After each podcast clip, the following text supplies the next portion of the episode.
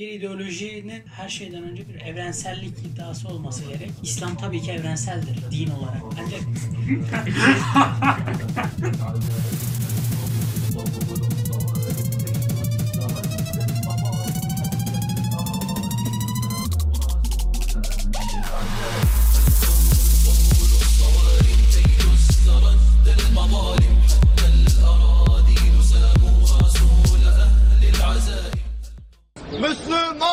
Müslüman uyuma. Herkese merhaba. Bugün İslamcılıktan bahsedeceğiz. İdeolojiler serimizin yeni videosu. Bu sefer bir konuğumuz da var. Ebu Bekir Tavacı. Kısaca bize kendinden bahseder misin Ebu Bekir? ismim Ebu Bekir Tavacı. Şu anda Fransa'da Paris Pantheon Sorbonne Üniversitesi'nde master öğrencisiyim. İstanbul Siyasal mezunuyum. Alanım siyaset bilimi. İslamcılık videosuna tabii ki İslamcılık nedir sorusuyla başlayacağız. Yani bize göre İslamcılık bir ideoloji olmaktan ziyade bir tavır, bir duruş, bir cevap diyebiliriz. Bu tabii ki doğduğu ortamla ve doğduğu zamanla, o zamanın problemleriyle alakalı bir şey. İslamcılık Müslüman toplumların Batı toplumlarına karşı üstünlüğünü kaybettiği ve yer yerde sömürülmeye başlandığı bir devirde nasıl olur da biz bu eski şaşalı günlerimize geri döneriz sorusuna bir cevap olarak ortaya atılıyor. Tabii ki o verilen cevap tek bir cevap değil. Yani verilen çeşitli cevaplar var ve biz bu cevaplar kümesine İslamcılık diyoruz. Tabii İslamcılık derken bu cevaplar neye tekabül ediyor? Bunu birazcık tartışabiliriz. Yani net bir cevap var mıdır? Veya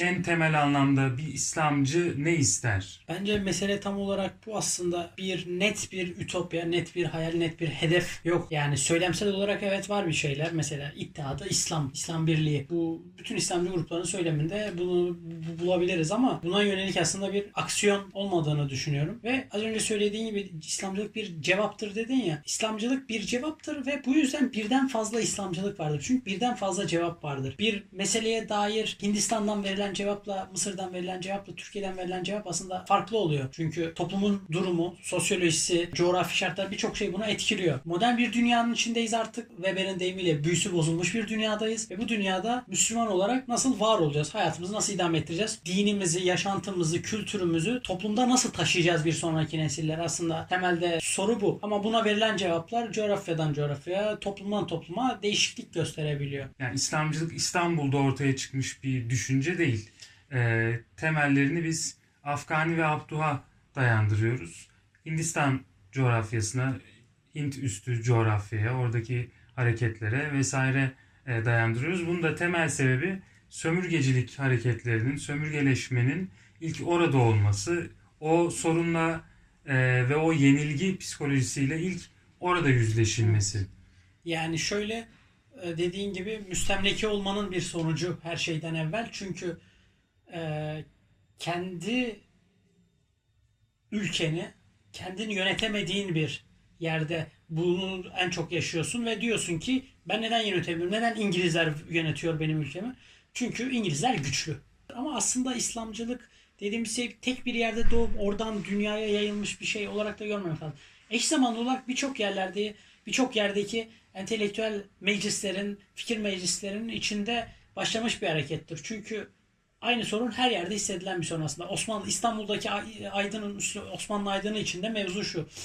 Yani bundan birkaç yüzyıl önce biz Osmanlı devleti olarak işte Viyana kapılarına kadar giden bir devlettik. Ee, bugün Avrupa'nın hasta adamına dönüşüyoruz. Niye bu böyle oldu? Bir yandan da dayatılan şöyle bir argüman var. Ee, siz Müslüman olduğunuz için, İslam sizi geride bıraktığı için geride kaldınız. İslamcılıktan da e, bu soruya cevap üretebilmek. Hayır, İslam geride bırakmaz, İslam terakkiye mani değildir demek. Ve o sömürgecilik gibi e, bizim kendimizi yönetemeyişimizin veya Batı tarafından eziliyor oluşumuzun çaresi de yine İslam'ın içindedir demek en basit haliyle İslamcılığı tanımlamak Evet. olur herhalde. Söylenmiş yeni bir şey değil. Biz İslam'dan uzaklaştığımız için zayıfladık diye. Yani bu İslam tarihinde modern dönem öncesinde de Orta Çağ'a kadar gittiğimizde yine görebiliyoruz bunu cevap olarak. Yani aslında İslam'dan uzaklaşmanın e, bizi felakete sürüklediğini. Ancak ilk defa sorun bu kadar gerçek ve bu kadar kitlesel bir soruna e, dönüştüğü için e, bu cevap yine ön plana çıkıyor. İslam'dan uzaklaştık bu yüzden geri kaldık diyorlar. Ruhta Müslüman kalalım. Teknikte de Batı'nın şu anda sahip olduğu tekniği alalım. Çünkü teknik zaten onlar için yani o dönem İslamcıları için söylenen söz müminin yitik malı Evet. olduğu için nerede bulsan alacaksın. Çin'de bile olsa alınacak bir şey olduğu için teknik Batı'nın tekniği değildir. O zaten aslında bizim de tekniğimizdir. Gidip alalım mantığı var. Afgani'ye geldiğimiz zaman eğitimin yanında Daha bir devrimci bir yanı var. Yani Abduh daha tabandan bir değişikliği arzularken Afgani biraz daha hani artık harekete geçmemiz lazım. Çok fazla zaman kaybedeceğimiz bir yöntem diye düşünüyor benim anladığım kadarıyla. ve bunun içinde çok e, çeşitli ziyaretleri oluyor. Paris'e geliyor, İstanbul'a gidiyor, Kahire'ye gidiyor. Yani kargaşanın, kaosun olduğu yerde Afgani'yi görüyoruz o yıllarda tabiri caizse. Evet. İstanbul'da da Abdülhamit iktidarı var. Abdülhamit bir pan-İslamizm e, mi bir kurtuluş reçetesi olarak görüyor. Yani bu devletin ayakta kalabilmesinin tek yolu olarak görüyor bunu. Ama karşısındaki ona muhalif olanlar bugün İslamcılar diye andığımız işte isimlere baktığımızda işte Said Nursi olabilir, Mehmet Akif Ersoy olabilir yahut başkaları olabilir. Onlarda da şöyle bir şey var. Bir özgürlük talebi var her şeyin önünde ve bu özgürlük talebi üzerine kuruyorlar siyasi duruşlarını. Aslında bizim o dönemde Abdülhamit karşısında kümelenmiş muhalif grubun içerisinden bütün modern Türk ideolojilerinin ortaya çıktığını görüyoruz. Yani Tanzimat'tan Abdülhamit'in iktidarının son bulduğu yıla kadar gelen entelektüel hareketlenme var İstanbul'da ve bu hareketlenme içerisinde üretilen çeşitli fikirler var. Bunlar üç başlıkta toparlanıyorlar ve aslında bu üç söylemde aynı yazarda bir şekilde iç içe geçmiş şekilde bulunuyor. Bu Namık Kemal olsun, Ziya Paşa olsun fark etmez. Hı. Batıya benzemek, özümüze İslam'a dönmek ve bir ulus olarak Türk kimliğini hatırlamak. Ve bu üç çıkış yolu Batıcılık, Türkçülük ve İslamcılık olarak sınıflandırabileceğimiz şey aslında Abdülhamit iktidarının bitişinden sonra yavaşça ayrışmaya başlıyorlar. Onun öncesinde de zaten Türkiye'de İslamcılığın kurucu kadrosu bizim Sırat-ı Müstakim dergisi kadrosu olarak sınıflandırdığımız ekip. İşte içinde Mehmet Akif var, Sait Halim Paşa var, Elmalı Hamdisi'nden İsmail Hakkı'sına birçok düşünür var. Fakat bunlarla birlikte hani Ziya Gökalp'in de yazılarını yayınlayabildiği bir Evet. mecra orası. Yusuf Akçura'nın da yayın yaptığı bir yer orası. İttihat ve Terakki iktidarı geldikten sonra e, İslamcıların Türkçülerden yavaşça ayrıldığını görüyoruz. Ve bu devirde işte yani Sırat-ı Müstakim'de hani Türk yurdu dergilerine cevaben kavmiyetçilik bir zehirdir Evet. gibi yazılar yayınlanmaya başlıyor ve hani o e, İslamcılık bir ideolojik duruş olarak ilk defa Türkçülükten ayrışmaya başlıyor. Müslüman insanların yaşadığı bir toplumda İslam'ı tamamen dışarıda bırakarak zaten siyaset yapabilmek mümkün değildir. Yani en seküler hareketler bile yeri geldiğinde İslam'a selam vermek zorundadır. Ama bence mesele şu daha ziyade. İslamcılık açıkça tanımı olmayan. Mesela sosyalizm dediğimiz şey temelde bir açıklama biçimi dünyayı ve hedefleri, amaçları belli. Bir ekonomik model vaat ediyor. Ve bu modelin içinde kalan şeye biz sosyalizm, dışında kalan şeye bu da sosyalizm değil diyebiliyoruz. Ama İslamcılıkta şöyle bir sıkıntı var. Birincisi İslam her şeyden önce bir din ve bu dinin bir kitabı var. Bir işte peygamberin davranışları dediğimiz sünneti var ve bunlar da yorumlanan şeyler. Her şeyden önce yorum dediğimiz şey farklı farklı yorumları var. İkincisi bu yorumlardan doğan farklı siyasi fikirler var ve herhangi bir siyasi fikre, herhangi bir yönetim biçimine, herhangi bir devlet idare şekline evet budur ya bu değildir demiyor İslam. Böyle bir şey vaaz etmiyor. E bundan dolayı da coğrafyadan coğrafyaya farklı bir şey ortaya çıkıyor. Duruma göre çok daha radikal hareketler de aynı kaynaktan beslenerek ortaya çıkabiliyor ama daha ılımlı hareketler de çıkabiliyor. O yüzden tam çizgiyi çizemediğimiz için çizginin içinde ve dışında kalanları göremiyoruz açık bir şekilde. Evet bu aynı zamanda İslamcılık dediğimiz tavrın kendisini herhangi bir ideolojik duruşa veya bir e, siyasi güç odağına kolaylıkla yamayabilmesini de sağlıyor. İşte bunun örneklerini hani en başta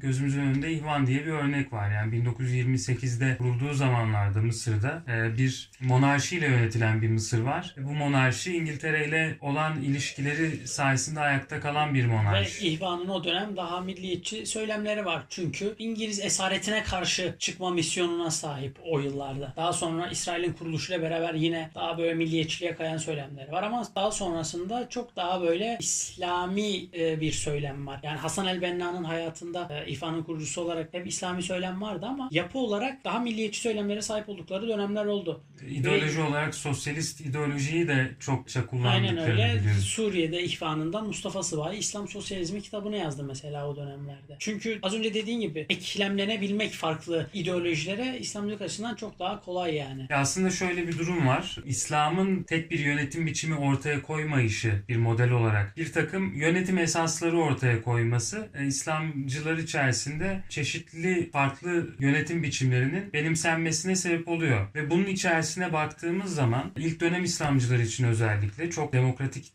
taleplerin olduğu fakat yine aynı İslamcılık düşüncesinin bir parçası olarak Necip Fazıl'a baktığımız zaman yani ideoloji örgüsü diye bir kitabı var ve hani ne meşrutiyet ne demokrasi ne oligarşi yani çok ağır bir disipline edici otoriter bir yönetim modeli ortaya koyuyor ve bunu hani en ideal en İslami olan yönetim şekli olarak savunabiliyor. Yani bir tarafta çok net demokrasi talepleri varken öbür tarafta demokratik bir ülke içerisinde bir İslamcı olarak ben otoriter bir rejim istiyorum diyen bir İslamcı da görebiliyoruz. Tunus'ta, Nahda'da bir parçalanmış ulusu tekrardan bir arada tutacak parçalardan birisi olmakla mükellef. Onun önündeki problem parçalanmakta olan bir ulus, kendi içerisinde kavga eden bir toplum ve bunun içerisinde İslami bir duruşla çözüm üretmekti. İşte demokrasiyle, daha hani Müslüman demokrat Evet. bir duruşla cevap ürettiler. Ya bizim önceliğimiz İslami meseleler değil, Tunusların temel sorunlarıdır işte. Altyapı ihtiyacıdır, yol ihtiyacıdır, Evet. sudur, elektriktir. Yani böyle bir şey eğitim ihtiyacıdır. Böyle bir yol benimsediler kendilerine. Kuzey Afrika'da Nahta ve benzeri hareketlerin doğuşu çok böyle ihvana benzer hikayeler. Çok ilişkili. Klasik işte o Baas'a karşı mücadele falan. Tabii. O aynı hikaye ve benzer hikayelere sahipler. Bu devirde kimler İslamcıyı bırak geçmişte kimler İslamcı sorusunu sorduğumuzda bile yapılan çalışmalar farklı farklı isimler üzerinden açıkladılar İslamcı. Mesela İsmail Kara daha Namık Kemallerden genç Osmanlılardan gelirken işte başkaları daha Mısır çizgisinde kaldı. İşte Abdülreşit Rıza El-Benna çizgisinden geldi. Yahut Mehmet Akif Ersoy e, ne kadar İslamcıydı, ne kadar milliyetçiydi, nerede yer alıyordu, Said Nursi yani Birçok isim var zaten. Bugün bile üzerinde bir ittifak yok. Bu adam İslamcı mıydı değil miydi? O yüzden bu tartışmalar biraz aslında bence zaman kaybına yol açan tartışmalar. İslamcıların iktidara gelmesiyle birlikte bir dönüşüm yaşandığını görüyoruz. Sadece Türkiye'de de değil. Yani bütün Müslüman toplumlarda İslamcıların iktidara geldikten sonra İslamcılık düşüncesinde bir dönüşüme yol açtıkları ortada. Bunun sebebi de belki şey yani önlerine konulan sorular artık değişti. Yani eskisi gibi İngiliz sömürgeciliği var abi buna karşı ne yapacağız değil de yani halkın çok temel Ben gerçek hastaneye sorunları gitmek var. istiyorum yani. Sorun bu. İngiliz sömürgesiyle nasıl savaşacağım değil. Bu artık bir şey değil çünkü ama. Halka hastane yapman gerekiyor. Ne bileyim okul yapman gerekiyor. Eğitimi sağlaman gerekiyor. Yol İş, yapman gerekiyor. iş bu aşamaya dönüyor. Ve bence bu meselede siyaseten iktidara gelenlerin de kendilerine İslamcı demekten kaçınmasını da doğal karşılıyorum. Çünkü demokratik demokratik ülkelerde iktidara geliyorsan her vatandaşı seslenmek zorundasın. İktidarı istiyorsan her vatandaşı seslenmek zorundasın. aynı toplum içerisinde iktidarın gücünü paylaşırken İslam'ı bir söylem aracı olarak kullanmak istiyorsun. Bu da neye sonuç veriyor? Bir fay hattı varsa, siyasi bir fay hattı varsa sen burada Müslüman olan tarafa oynayıp o tarafın oyunu almak istiyorsan karşısında yeni bir takım fay hatları üretmen gerekiyor. Yani ne gibi? İşte az önceki Ayasofya meselesi olur, evlilik yasası olur, İstanbul Sözleşmesi vesaire olur. Yani bunları bir seküler karşısında Müslüman Evet. diye iki grup oluşturuyorsun ve bu siyasi olarak da kullanışlı bir alan. Tamamen ayrı yorumlamalara dair hareketlerin aynı İslamcılık çatısı içerisinde bulunmasından vesaire bahsettik. Bir de hani özellikle İran İslam devriminden sonra İran'daki o Hümeyni'nin Şia aktivizmi aynı zamanda dünyanın farklı yerlerinde mantar gibi İslamcılıkların çoğaldığı da bir dönem oldu Evet. 90'larda. Özellikle cihat hareketleriyle birlikte. Ve biz takip eden yıllarda farklı İslamcılıklar arasında hatta farklı İslamlar arasında bir coğrafi rant kavgası olduğunu gördük. Yani şu an Orta Doğu'da Yemen'deki Suudi ve e, İran arasındaki savaştaki olduğu gibi farklı İslamcılıkların bir rekabet içerisinde olduğunu görüyoruz. E, bu ister yerel olsun, ister uluslararası olsun. Siyasal güç talebi olan ve İslami bir e, söylemle hareketini Evet. sürdüren farklı yapılar var. Ya mesela 90'ların İslamcılığı, Türkiye'deki 90'lar İslamcılığı Türkiye'ye dışarıdan ithal olmakla Suçlandı. suçlanmıştı sürekli. Yani Türkiye'yi İran'a benzetmek vesaire, Pakistan'a benzetmek gibi suçlamalarla karşı karşıyaydı.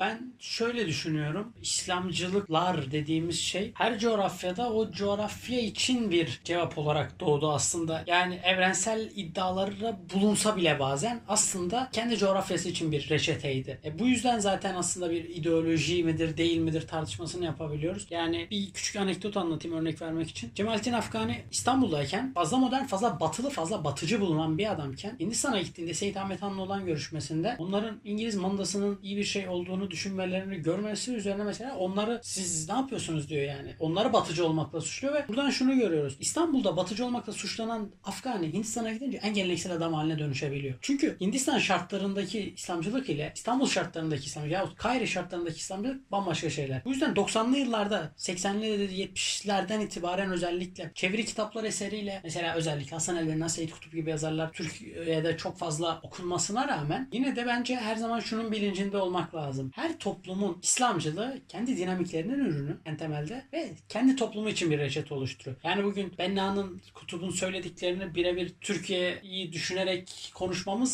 saçma olur ve anakronizm olur bir açıdan da. Çünkü tarihin belli bir döneminde İngiliz işgali sonrası gibi bir döneminde söylenmiş sözlerden bahsediyoruz. Bunu hiç yaşamamış bir ülkede aynı şartlardan zaten konuşamayız, bahsedemeyiz. Anlatmak istediğim şey kısacası şu. Sosyolojiye göre değişen, siyasi şartlara göre değişen, dünyanın durumuna göre değişen bir şey var. Temelde bazı ilkeler ortak olmasına rağmen e, farklı farklı yapılar diyebiliriz. Evet burada noktalayalım o zaman. Yani bundan 150 yıl önce Afgani'nin yine Paris'te cevap aradığı sorular vardı ve bunlar İslamcılığın filizlenmesine sebep olmuş sorulardı. Biz 150 yıl sonra yine bazı sorular sorduk ama İslamcılığın ne olduğunu yine, Yine anlayamadık. Anlayamadık. Bir cevap bulamadık. Yani şöyle söyleyebiliriz. Batı cephesinde değişen bir şey yok. Hala aynı noktadayız. Yani. Evet bizi izlediğiniz için teşekkür ederiz. İslamcılıkla ilgili sorularınız veya görüşleriniz varsa yorumlarda bizimle paylaşabilirsiniz. Önümüzdeki videolarda görüşmek üzere.